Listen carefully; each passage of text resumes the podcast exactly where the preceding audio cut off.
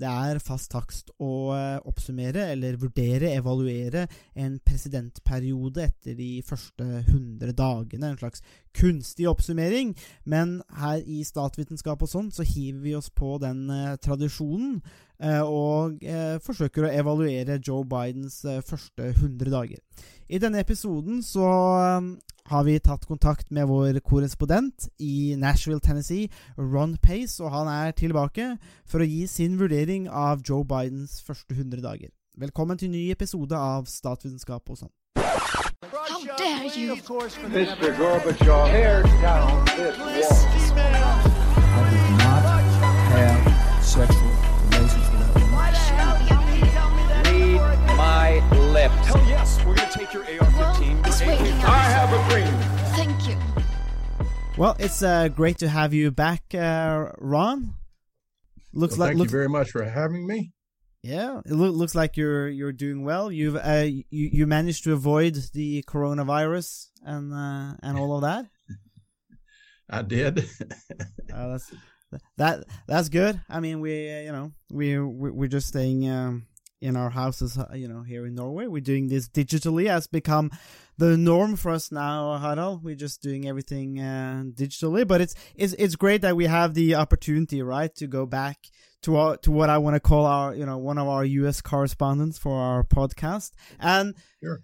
um, as I said, this episode is about well Biden's first 100 days. This is sort of like an in many ways kinda a a um an artifact or something that stems back to Roosevelt's presidency and that people talk about because he accomplished so much in that period and then it's become sort of like the first temporal marker of of a way of judging the presidency. And when we last spoke Ron you know that was um, summing up the election uh, the atmosphere and your thoughts on the election and that whole process so we, we thought it would be good to ask you to come back and then, you know, get your take on the first hundred days of the Biden administration.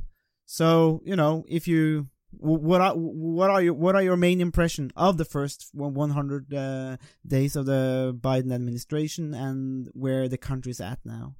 Well, sure. You just mentioned uh, in, comparison to uh, Roosevelt's first hundred days. That's where this uh, whole uh, tradition began of comparing the first hundred days. And uh, Roosevelt actually signed into law uh, law 48 different laws in his first 48 days, compared to Biden has just only passed 11 laws. However, the the general uh, overview of his first hundred days. I'll start out with just a general overview. Is um, uh, he was much more partisan in politics than he campaigned on. He campaigned as a as a very moderate uh, politician that would bring the country together, and in fact, uh, he's been extremely partisan in his first 100 days, which has really led a big shock to just about uh, everybody in America. Uh, the, uh, the liberals are happily shocked because he actually uh, um, enacted just about a, all of their wish list. Uh, and he was certainly more bolder in his policies than anyone ever thought he would be. And uh, he's very, it's been very disciplined in his uh, his pronouncements and in any type of speeches or anything. He he has sort of stayed away from off the cuff remarks and just made uh, uh, pom- published pronouncements. So I, guess in general, the view in all America is we're absolutely shocked on how liberal and how progressive that he has been. Uh, Uh, do, do you have any I- exam- do you have any examples of what um, the kind of laws or um, uh, decisions he made that many people find partisan or um, more partisan than anticipated or expected? Uh, oh, sure. Uh, well, uh, first, right off the bat, he started issuing executive orders, and to date, he's issued 42 of those. And even though tho- those are not laws, they they alter the existing laws on the books. And most of those uh, 42 executive orders were directed at undoing uh, the uh, previous administration, the Trump's administration. But um, for example, like uh, rejoining the Paris uh, Climate Accords is one of them. Canceling our our pipeline uh, from Canada is another one, uh, and all of this is uh, uh, responding to identity politics. canceling our pipeline with Canada is a payback to the environmentalist. Um, and, but some of the shocking things that he's he that they've done is they have pushed uh, a law uh, to declare uh, Washington D.C. the District of Washington D.C. as a, a, state, and they're doing that, of course, to try to gain two more Democratic senators, try to pad their uh, their uh, majority in the uh, Senate. And th- that bill actually passed the House of Representatives, but it was has been stalled in in the Senate. Uh, the other shocking thing is the amount of uh, of spending bills that's been put forward. Three major spending bills totaling over six billion dollars, and uh, uh, the first one was the uh, uh, almost two billion dollar rescue package and the Corona rescue package, which the Republicans were on board with that, and that's that's actually been enacted and the money has been dispersed. But there's a $2.3 trillion uh, infrastructure bill.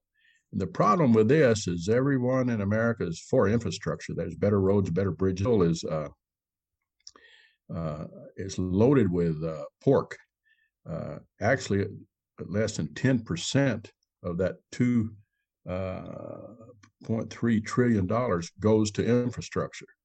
The rest goes to liberal uh, causes, uh, and and a lot of it goes to the blue states, the democratic states, and the large cities to bail them out economically, uh, and that uh, that has yet to be completely en- enacted. It's still being negotiated in the Senate.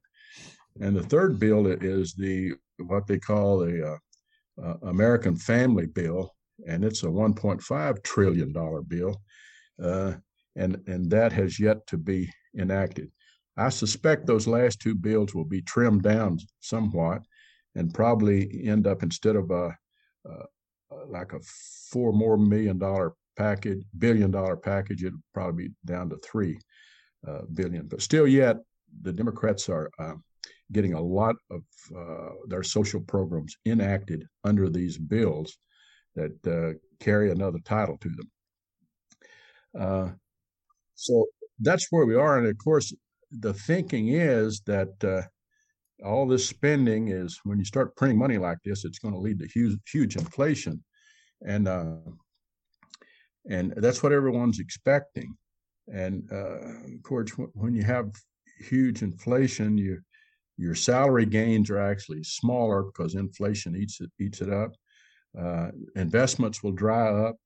It'll uh, destroy the value of our currency, um, and we're already beginning to see the beginnings of that. Like uh, just recently, our uh, the price of our gas domestically here has increased 33 uh, percent, and uh, our consumer price index just last month was at a whopping seven percent if it were to be annualized. So I think the nervousness here is is all the freewheeling spending that the Democratic uh, Congress is, is is trying to do and is doing. Do you do you think there is any chances for some kind of bipartisan spending bills or any bipartisan politics in the near future? So far, there's been very little partisanship in anything that's been done the first 100 days. Uh, just about all the laws that's been enacted has been strictly down party lines. Uh, in fact, the, uh, uh the first uh, bailout, the Corona the bailout, was there's not one Republican voted for that, and our economy is doing great now. We, our economy is great. Uh, actually, unemployment's down. Uh, companies can't find workers because workers are at home. They're drawing more from the government than than they would make it work. So why go back to work? Type thing. And so companies are having a hard time uh, finding employees. Um, but but yes, to uh, your question, uh, there's no seems to be no partisanship going on at this point in time. Now, I will say this: the Democrats, in pushing for all these programs, will, uh, of course, they always ask for more than they know they'll ever be able to get, but there will be some compromises on some of the pork that's taken out of these bills. So, in that sense, that's the only partisanship that's going on. But as far as voting on any of these bills, there's absolutely no partisanship. Mm. And and how do you think Americans will will vote in the next election? Do you think they will uh, be persuaded by the the generous handouts from the government, or do you think they will go back to more Republican politics again? I, I think I think there'll be a backlash, and I think they'll go back toward more towards principle politics uh, uh, rather than identity politics. And I think the Democrats expect that as well.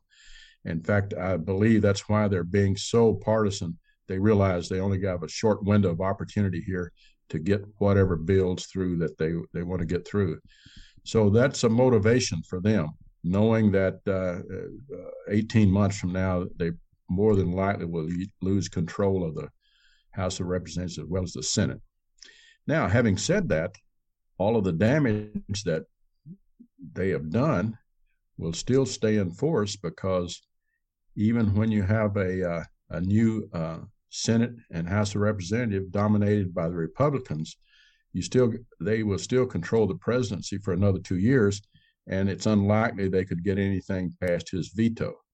So uh, they realize basically whatever they get done now will last for the next four years.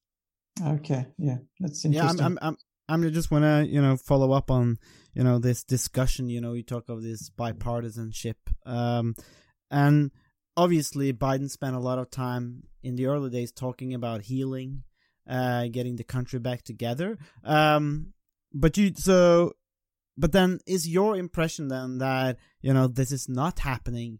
That you know this kind of healing process is not actually occurring, and that what you're seeing is just further entrenching, like both sides entrenching, and then digging their the foxholes and and getting down you know fighting each other is is that is is that your impression then that you know there there there's there's not healing there's just more fighting in identity politics that is my impression indeed i think it's the impression of the overwhelming majority of americans uh, everyone pretty well accepts that uh, that uh, it's extreme partisanship uh, going on right now and everyone's scratching their heads trying to figure out why uh, biden who campaigned as a moderate and who promised uh, and to be moderate and to heal the country and bring it back together. It's never happened. And you know, there's supposition that that uh, you know he and Bernie uh, Sanders, who was an extreme uh, progressive liberal, were sort of running neck and neck in the primary election. And lo and behold, all of a sudden, Bernie Sanders threw his support to Biden and the at that point in time, the Demo- the uh, Democratic Party was in a quandary because they realized that Bernie Sanders had no chance of being elected, and they knew that Biden was a weak candidate. In fact, Biden was everybody's second or third choice uh, in the primary. So it, it, appears a deal was struck where that uh, Bernie would uh, fold his tent, uh, lean his, give his support uh, of his backers to Biden, in exchange for Biden um, embracing Bernie Sanders' program, radical program. So basically, it was uh, uh, Biden trading his uh, his true moderate uh, inclinations for the opportunity of being a president. So, and I think Biden realizes that at his age, he can only likely serve one term. So, for him to become uh, to make his mark as a president, he has to do something extreme. And in fact, in his own words, he said that he would be the most progressive and transformative president since uh, FDR. So uh, I think that's that's the motivation that's going on right now. Uh, that's a logical answer to why he is so extreme in his politics, more extreme than he's been in his 48 years of political life. Um, what do you think of his foreign policy? Do you think he's what do you think of the different differences between Biden and Trump in terms of um, foreign policy? Well, there's a couple of things that uh, I, I, don't think that uh, uh, uh that uh, Biden will will change, and and one is the uh, the accords with Israel, the the accomplishment of Trump in that area by abandoning the two party solution, uh, the two state solution idea, and going with trying to get uh, other countries in the Middle East to support Israel. Uh, and of course, he, he did that by reasoning that now countries like Saudi Arabia and AEU and uh, other countries are fearing Iran more than they actually fear Israel. Iran now has become their enemy more so than Israel. And so they've gotten those on board, uh, board to uh, uh, you know support Israel being a country, uh, independent country, and, and, not subscribing to the idea of destroying Israel. So I, I don't think Biden will touch that. I, I don't see how he, he can. I don't see how he could any kind of support for abandoning that approach on it. Uh, and, and and another thing too is uh, these other countries, I think, view uh, Biden as a weak president, and they're going to challenge him. Uh, as you notice, uh, for the last two or three years, North Korea never sh- uh, shot a missile up. And lo and behold, a couple of months after Biden was elected, he started shooting missiles again. So I think Russia, China, and North Korea and Iran as well will, will test Biden. And, and it's it's going on now, of course. China in the South China Sea, um, uh, and uh, you know Iran, for example. Uh, Biden gave consens- uh, some concessions on the sanctions to Iran without getting anything in return for it, and that emboldened Iran to even dig in stronger and resist any kind of concessions. And they're asking the U.S. and Europe to unilaterally lift all sanctions. So I, I think in a foreign policy position, uh, Biden's going to uh, experience a lot of challenges from different different players in the world. How do you think the um, relationship between the U.S. and China will develop uh, with Biden as um, as president? Well, I, I, don't think there's any doubt that uh, China, in the long term, seeks to replace the United States as the economic power of the world. As that's sort of an ongoing ongoing uh, situation. And uh, again, I think China will uh, will uh, probably test Biden, probably test Biden uh, more so than than some of the other players in the world. Um, and uh, so I, I, don't know how that will play out. It's going to be um, uh, stressing of military alliances and economic alliances. I know that that uh, the uh, China is now uh, trying to develop uh, the I guess what you call the internet system throughout the world and and gain control that way. So and they their goal also is to replace the dollar as the international currency. So who knows what's going to happen? But all we can be assured of is there's going to be some instances where Biden is tested. Mm-hmm. Yeah, I think, and I, I mean, you know, it's it's also interesting, right? Because uh, from a European perspective, I guess uh, Biden has been looked upon favorably uh, for entering the the climate accords, Paris climate accords, uh, and sort of you know playing more that in, uh, more normal international games so, so so to speak. So at least in Europe it's been you know viewed in a very positive manner. But you know how does this works in you know works in the United States is a bit different. And it's also interesting to note you know some of that disparity. But I'm I if I can just you know uh, go back sort of to the um to the domestic uh, scene. Because I I just want to get your take on the GOP without Trump how, how how's the Republican Party looking without Trump and sort of that difference, or is there a split there between like the Trump camp? Sometimes we read about that that there's you know like the Trump camp, or he has a hold on the uh, the GOP, and then uh, you know there are you know differences within the GOP. So so what's your take here on the on the Republican Party without Trump, or and do you think he he's going to come back to the next election? Uh, that's the big question, isn't it? Um, Trump still has huge power within GOP. Uh, in fact, uh, a lot of people that sort of uh, in, within the GOP that resisted him, there's a, only a few of them. Uh, they're at uh, they're at risk of losing their seat in in Congress. Uh, so I don't know how the Europeans plan out. I expect the Europeans to be favorable to Biden. Um, in the view of the United States, uh, uh, all of Europe is sort of viewed as as a, a system of appeasement.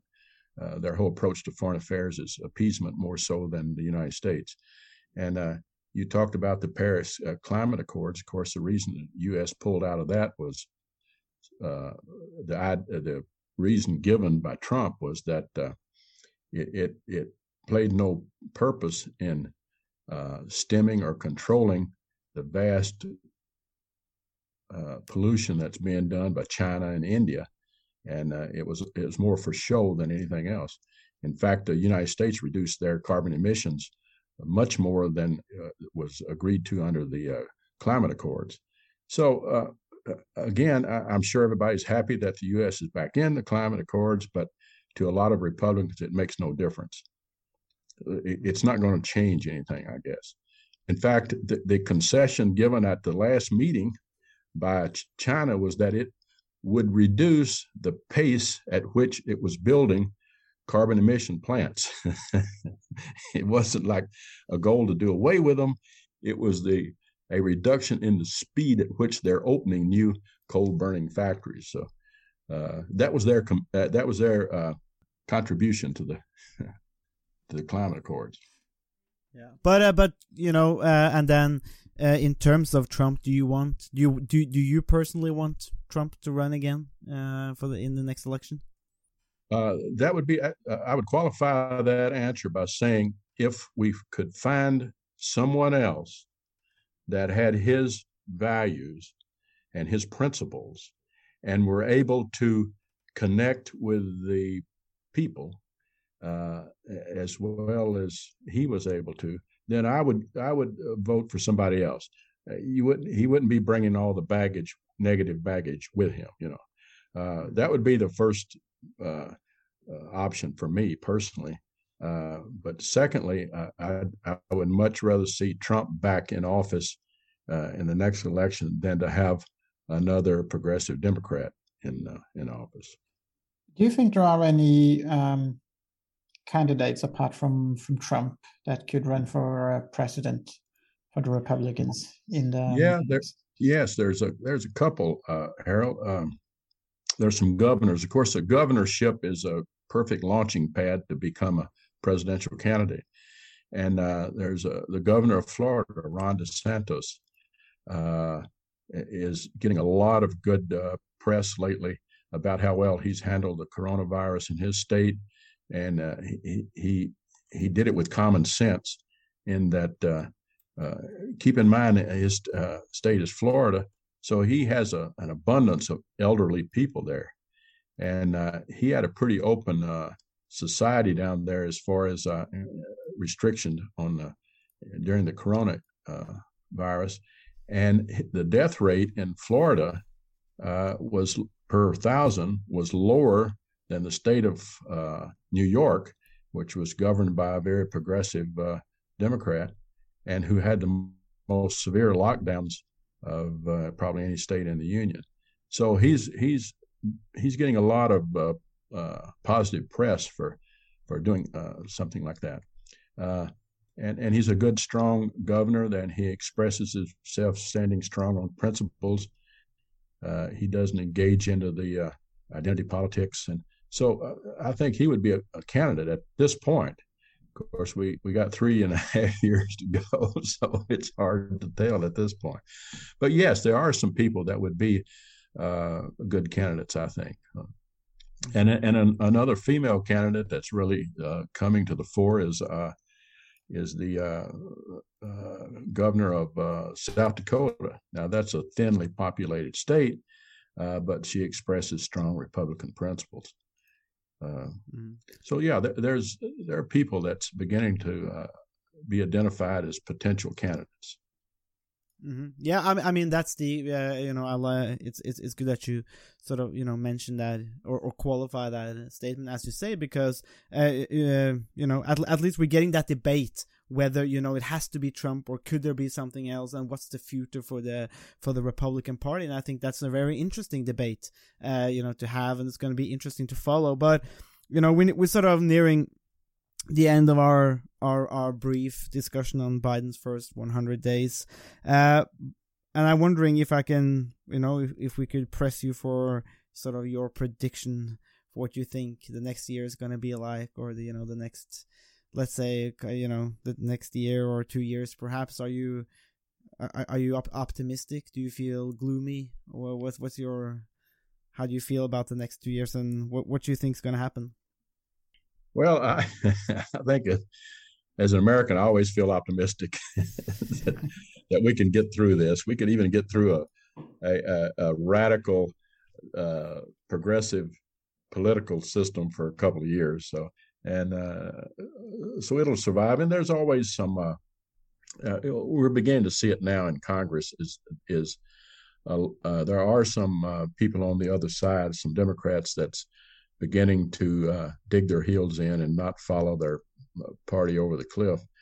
Uh, uh, give me one example is uh, on the filibuster to get something through Congress. It, it requires a, uh, a 60 percent vote to get past the filibuster. Well, the Democrats have eliminated the rule of filibuster to get through the COVID relief bill and uh, and and uh, so it only needed 51 votes, which uh, 51 percent, which they got. But going forward on some of these other big spending bills, there's a couple of uh, Democratic senators that are resisting, saying no, we will not. Uh, we will not do anything to uh, eliminate the filibuster because we're going to be out of power in two years, and they can use it against us as well. So uh, we are beginning to see some resistance and some leveling out of the power of the Democrats. So I, I think, uh, uh, given that, and given the uh, the strong Republican response, as well as the uh, uh, as well as the feeling that the Republicans are going to be back in power soon, I think we'll be just fine. Well, it's going to be interesting to uh, to follow. That's for that's for sure. Uh, you know, we we're definitely going to come back to this uh, back back to this topic. I feel you know, and also because we have you know the other elections coming in um, yeah. as as well. So it's gonna be really interesting, and you know we're always keeping uh, keeping tabs on the uh, development, the political development in America. You know, it's very, it's sometimes it feels like there's more interest for the American political system than there is for you know our, our own political system. So it's always uh, it's always great to get some insight from uh, from uh, from Tennessee and from uh, from you, Ron. So thank you for uh, for joining us and uh, you know giving us your thoughts. Well, thank you for having me, and I enjoyed speaking with you. And hello to all your Norwegian friends. Ja, det var uh, intervjuet med vår uh, korrespondent. En, en, av våre korrespondenter, uh, får, jeg, får, jeg, vel si. Vi har, vi har, jo flere, Harald. Ja, vi har jo øyne og øre over hele verden, vi egentlig. vi, vi, vi, utvider, vi utvider liksom eh, nettverket vårt. Eh, ja, noen år så er det ikke bare CNN, men også SOS. Det er som, eh, Verdensherredømme er neste mål, er det ikke det? Ja, men vi er jo heldige da, i den forstand at uh, vi har uh, bekjente venner, slekt i USA som har lyst til å prate om politikk, og som er interesserte i det. Og, um, og at vi får litt ulike perspektiver. For uh, det er jo ofte den derre kanskje noe som jeg føler mangler en del noe som kanskje glipper eh, i en del dekning, og kanskje eh, når man snakker om ulike land. Altså denne kontekstualiseringen, det å forstå selv de man skulle være uenig med, så er man litt avhengig av å sette ting i kontekst, eh, prøve å få en slags forståelse for ja, hva, hvorfor den politiske kulturen er som, de er, er som den er, hvorfor det politiske systemet er som den er, og hvorfor, hva, hvorfor folk føler på den måten som de gjør, og kanskje få en idé om disse konfliktlinjene som vi har snakka litt om òg, og hva, hva er konfliktlinjer i forskjellige land. og Dermed så syns jeg det er veldig fint at vi har Um, da Ron, som er, har lyst til å komme og prate på, og som også er interessert. ikke sant? Han er jo en som følger godt med, og, og han, jo, han tar jo ikke bare argumentene og påstandene ut fra lufta, egentlig. Han har jo en, en gjennomtenkt tanke bak der, så jeg syns det er veldig interessant å få et innblikk i nettopp dette. Veldig verdifullt eh, for oss. Eh, dette var jo om Bidens første 100 dager, og hva hva, hva, noen takeaways fra det Ron sa, Harald? Hva, hva, hva la du merke til, eller hva beit du merke i der? Ja, eh, noe av det første mm, som, eh, som Ron var inne på, var uh, hvor eh, lite mm, tverrpolitisk samarbeid det, det har vært i løpet av de 100 første dagene til, til Biden.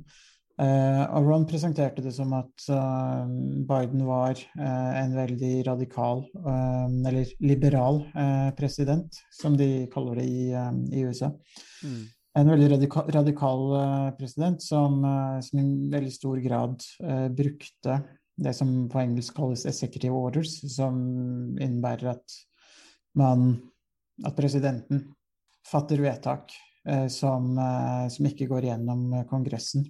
Mm. Og Biden presenterte seg som en tverrpolitisk kandidat, en som kunne, kunne bygge bruer, eh, og en som kunne bruke den, den lange erfaringen han har fra, fra Washington til å, Mm.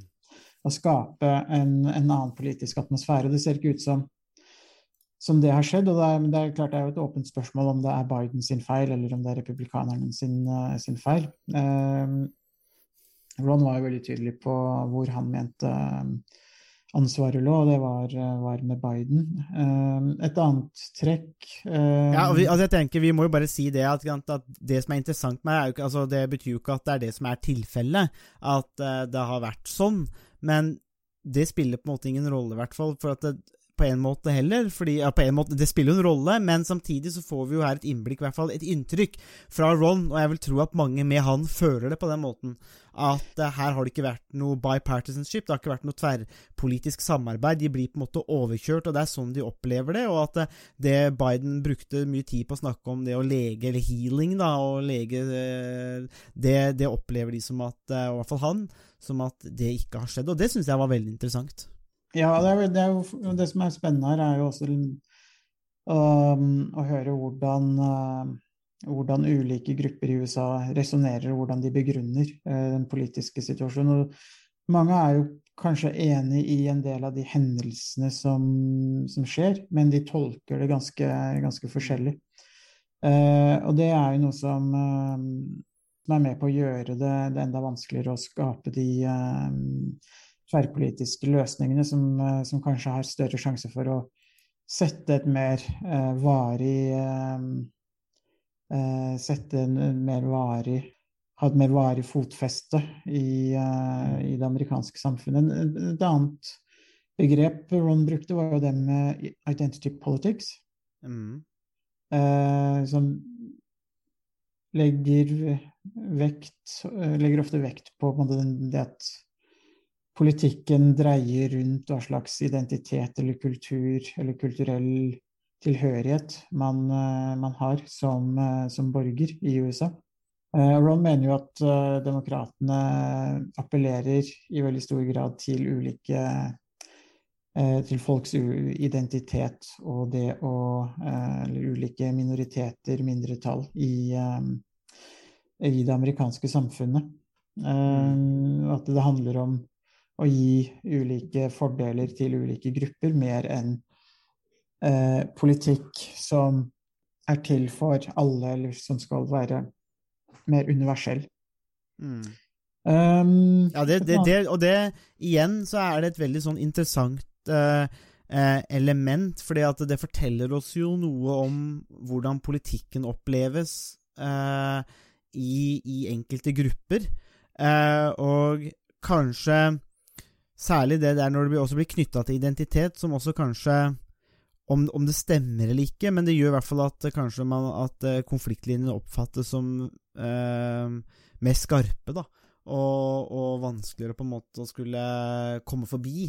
Eh, og så kan man jo vurdere hvor, i hvilken grad eh, republikanerne bidrar til akkurat det samme. For noen vil jo kanskje si at det er vel Trump òg har vel for så vidt eh, egentlig vært ganske skarp i de retningene, eller vil man, det vil jo peke på en del republikanske politikere. Men jeg syns likevel at det er interessant akkurat at han, det han har valgt å bruke dette med identitetspolitikk eh, som en del, for jeg tenker det er også et tegn på det amerikanske om vi skal si, skal vi si amerikanske politiske kulturen kanskje i dag. Altså Det er noe som preger den kulturen. da, Eller at man eh, Det er, det er et veldig sånn det er, det er, et element som er veldig til stede da, i politikken, og jeg syns det er interessant at han velger å trekke fram nettopp dette, og også særlig med at han trekker det fram med dette med dette med det progressive, radikale, progressive, liberale, eh, ikke sant, som i, som i, norsk sammenheng fremstår nærmest som Altså, de eh, Ja, jeg vet ikke hva man skal kalle da det norske, norske norsk politikk.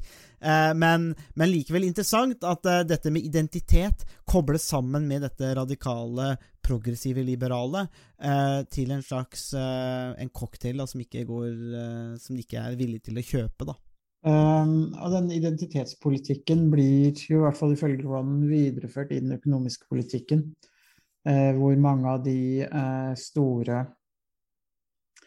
uh, pakkene som gjelder infrastruktur og få økonomi, det å få økonomien i gang igjen etter pandemien, hvor det ikke bare er eh, infrastrukturprosjekter, men også en del eh, finansiering av ulike prosjekter eller by, byutviklingsprosjekter og den type ting som, som vil komme eh, demokratiske byer eller demokratene til, til gode. Hvor Ron eh, mener at det er et forsøk på å, eh, liksom, på å gi eh, eller på å kjøpe de ulike minoritetene eller uh, gruppene mm. uh, i, i, i, det amerikanske samfunnet. At det, det, handler mer om å gi fordeler til enkelte grupper. Men samtidig så er det også det er veldig lett å snu på det argumentet også og si at det er jo akkurat det samme som republikanerne gjør, som gir skattelettelser til de rike eller til uh, bestemte grupper også. Eh, så, så, der er det jo litt det samme igjen. Altså det er vanskelig altså Svaret du får, er, er jo veldig farga av uh, hvilke parti eller hvilken side av politikken man, uh, man står på. Mm. Ja, og det, er jo, og det er jo sånn Det er jo politikkens vesen. Eh, ikke sant òg. man er jo ikke enig om alt og disse tingene, og vi får det jo veldig klart fram Uh, nettopp det, det med, med, akkurat dette med politikken der da, i USA. Og, men det jeg tenker også, som var veldig interessant, som, uh, som Ron var inne på Og det er, en, og det er jo et, er et, veldig vektig poeng, uh, tenker jeg, uansett. Og det er en bekymring for pengebruken. fordi at ja, man har en voldsom offentlig altså stimulans, og man putter jo fryktelig mye penger inn i økonomien. Uh, og, og, det, men, og det uh, er det jo flere som har vært inne på. Uh, altså The Economist hadde en lang sak om dette i sin siste utgave om Bidens 100 dager, og en bekymring for nettopp pengebruken, og at man må bare huske på at det, det, funker ikke så bra bare kaste penger på problemet. Det må andre ting til. Og, og, det, det, det, må vi si det er jo et vektig et vektig argument, og som jeg tenker at er jo noe som kan slå tilbake på Biden nå, altså med økte, et økt rentenivå eh, og inflasjon, så, så, ser plutselig ikke den enorme pengebruken så bra ut lenger. Nei, og øker eh, rentene mye, så, så kan det jo også gå utover eh, Så kan jo, kan jo det medføre økt arbeidsledighet, og da men med økt arbeidsledighet så, så vil man jo heller ikke klare å få i gang økonomien ordentlig mm. eller. Så og det der er jo litt, litt uh, det, noe, noe, av det vi har kritisert i, med norsk politikk, er jo ofte at man kaster penger etter problemer. og tror at det alene vil, eh, vil løse problemene. Og det, finansiering er jo alltid viktig og en del av eh, det å løse problemer, men det er jo ikke en, eh, en løsning i seg selv. Og det er kanskje litt, litt det samme vi ser eh, med Bidens økonomiske politikk også. Eh, man, man forsøker å, å, løse en del problemer med å bruke masse penger. og det vil jo være tragisk hvis man bruker så mye penger og egentlig ender opp med å få veldig lite igjen eh, for så mye penger. Da har man, har man kjøpt seg eh, velgergrupper eller en sterkere økonomi på en veldig dyr eh, måte. Mm. Ja, nei, det blir, det blir, jo spennende å se. Klart, um, altså, det, det, det, betyr jo ikke at det trenger å gå sånn. Man kan jo eh, altså Biden håper vel sikkert på at dette skal smøre økonomien nok, at få nok folk på beina og at eh, man dermed får på en måte hjulene i gang igjen, og så kan det på en måte ta over der. Det er, jo, det er jo det man må håpe på her, altså hvis man er Biden, da, at, at det gjør at da, da er eh, og jeg, Man vil jo tro at ved, ved neste valg så er ikke covid-19 en så aktuell sak, vi får jo håpe det. og eh, Da går man jo ofte tradisjonelt, i hvert fall i USA, tilbake til mer tradisjonelle eh, valgsaker som er veldig viktige, og der arbeidsledighet eksempel, og økonomi er ganske viktig. og Vi kom ikke inn på dette med Ron, eh, men, eh, men, det er klart at en del av den pakka til Biden nå, og en del av forslagene og ting han jobber med òg, er jo også en minimumslønn som er høyere enn det som blir tilbudt. og det det er klart at det er det mange grupper som også har kjempa for, eh, og kjemper for, og, og, det er jo kan man jo eh, det, det, kan man jo også da anføre gode argumenter for, men det er klart det er et stridstema òg, da, i, ja. uh, i USA. Altså, no, noe av utfordringen med en uh, nasjonal minstelønn i USA er jo også at de økonomiske forskjellene mellom de ulike, ulike statene er ganske store. Så hvis man skulle innført en uh, europeisk minstelønn, så mm så ville jo det vært ganske sjenerøst eh, i eh, noen østeuropeiske og søreuropeiske land, hvis man skulle liksom legge seg på, på noe som er nærmere vesteuropeisk nivå. Eh, og samtidig ville det kunne blitt ganske lavt i en del eh, vesteuropeiske land med høye, høyt kostnadsnivå. Så, så det, det, er jo eh, forståelig at det er et spørsmål som det er vanskelig å finne et, eh, et godt svar på. Og det å øke minstelønna kan fort bli en sånn en sovepute hvor man bare sier at nei, vi har jo økt minstelønna, så da, da, har man måtte løst det problemet. Men det er jo i virkeligheten litt mer komplisert enn som så, spesielt hvis kanskje uh, noen områder mister arbeidsplasser fordi lønningene blir høyere enn det som er enn det som uh, det er arbeidsgiverne har mulighet til å betale for, så, så kan jo det Eh, være eh, problematisk. Men samtidig så er det jo også mange som har jobber eh, som tjener mindre enn det man trenger for å, mm. eh, for å overleve, eller for å leve et, eh, et noenlunde anstendig liv. Så, så, her er det jo veldig mange hensyn som, eh, som går i Som krysser hverandre, og som går i litt motsatt retning. Mm. Det, er, det, er, komplisert. Politikk er komplisert. Uh, men jeg syns likevel at uh, med, med, denne samtalen med Ron nå, så får vi uh, I hvert fall er mitt inntrykk av at Det er klart man skal jo ikke forvente noe sånn healing eller leging av en nasjon, og i hvert fall ikke så kompleks og, og sammensatt nasjon som USA på, på 100 dager. Det er det jo ingen som forventer eller kan kreve. Og denne 100 dagers eh, markeringen, om vi skal kalle det det. det er, den er jo, den, som vi sa i stad, det er jo en slags kunstig sak, men det er uansett et artig tidspunkt. da. Det er et passende tidspunkt å bare se litt på hva det er som har skjedd, og, og, og spekulere litt i veien videre. Denne prediksjonen om hva som kommer til å skje videre, er jo det, er jo det vanskeligste eh, å drive med, selvsagt, så det er jo umulig å si. Men eh, jeg, i hvert fall er mitt, eh, min, eh, mitt eh, det, det, som jeg tar fra denne samtalen, særlig med Ron, er jo nettopp dette at denne, denne opplevde eh, eller den, denne blandingen da, av denne opplevde identitetspolitikken eh, og radikal progressiv liberalisme, eh, som er noe av det som på en måte polariserer disse velgergruppene, den mm. ser ut til å leve i beste velgående og operere som en reell konfliktlinje i amerikansk politikk. Og skal vi tro Ron, så ser det ikke ut som den har blitt dempa. Eh, og det tenker jeg at det lover ikke nødvendigvis godt hvis den trenden fortsetter for eh, USA. Altså, så tror jeg ikke den fortsetter veldig godt. Og vi kom ikke inn på dette med disse valglovene i Georgia f.eks., der man ikke får lov til å gi mat og drikke til folk som står i køer, selv om køer i USA på valgdagen er helt naturlig. Altså, det er helt vanlig å stå fem timer i kø. Eh, det er ikke unormalt. Um, I hvert fall ikke de store byene. Og så skal man ikke liksom få mat og drikke og Eller, eller, eller disse tingene. Uh, Smøre matpakke. Som, ja, du må jo smøre matpakke, da. Uh, så det er, det, er, det er, noen ting der. Men, men, i sum, da, så vet jeg ikke om bidrar, disse tingene bidrar til å dempe polariseringen. Så hvis vi skal tro Ron, så kan vi jo kanskje anta det. Men det var uansett en eh, god samtale, og så skal vi jo nyansere dette litt med vår andre korrespondent, uh, Jens, som Eh, er oppe i, i, eh, i, Midtvesten. Og så får vi eh, få litt kontrast i ja, dette. Og så kan vi jo konkludere etter å ha hørt begge parter. Se hvem hva, hva, hver, hva hver av partene mener er situasjonen. Ja, så da er det egentlig bare å fortsette å høre på statsvitenskap og sånt, og så får dere svaret på hvordan det går med USA i de nærmeste årene. Det var det vi hadde å by på i denne ukas episode av Statsvitenskap og sånt. Musikken er komponert av Robin Horvath, og Thomas Colato står for miksing og redigering. Du finner oss på Facebook, bare søk på statsvitenskap og sånt. Der kan dere komme i kontakt med oss hvis dere har spørsmål eller kommentarer. Der finner dere også aktuelle artikler, videoer med mer. Vi setter pris på om dere liker sida, og deler den med andre som dere tenker vil ha glede av å høre på podkasten. Vi høres. And change is coming whether you like it or not.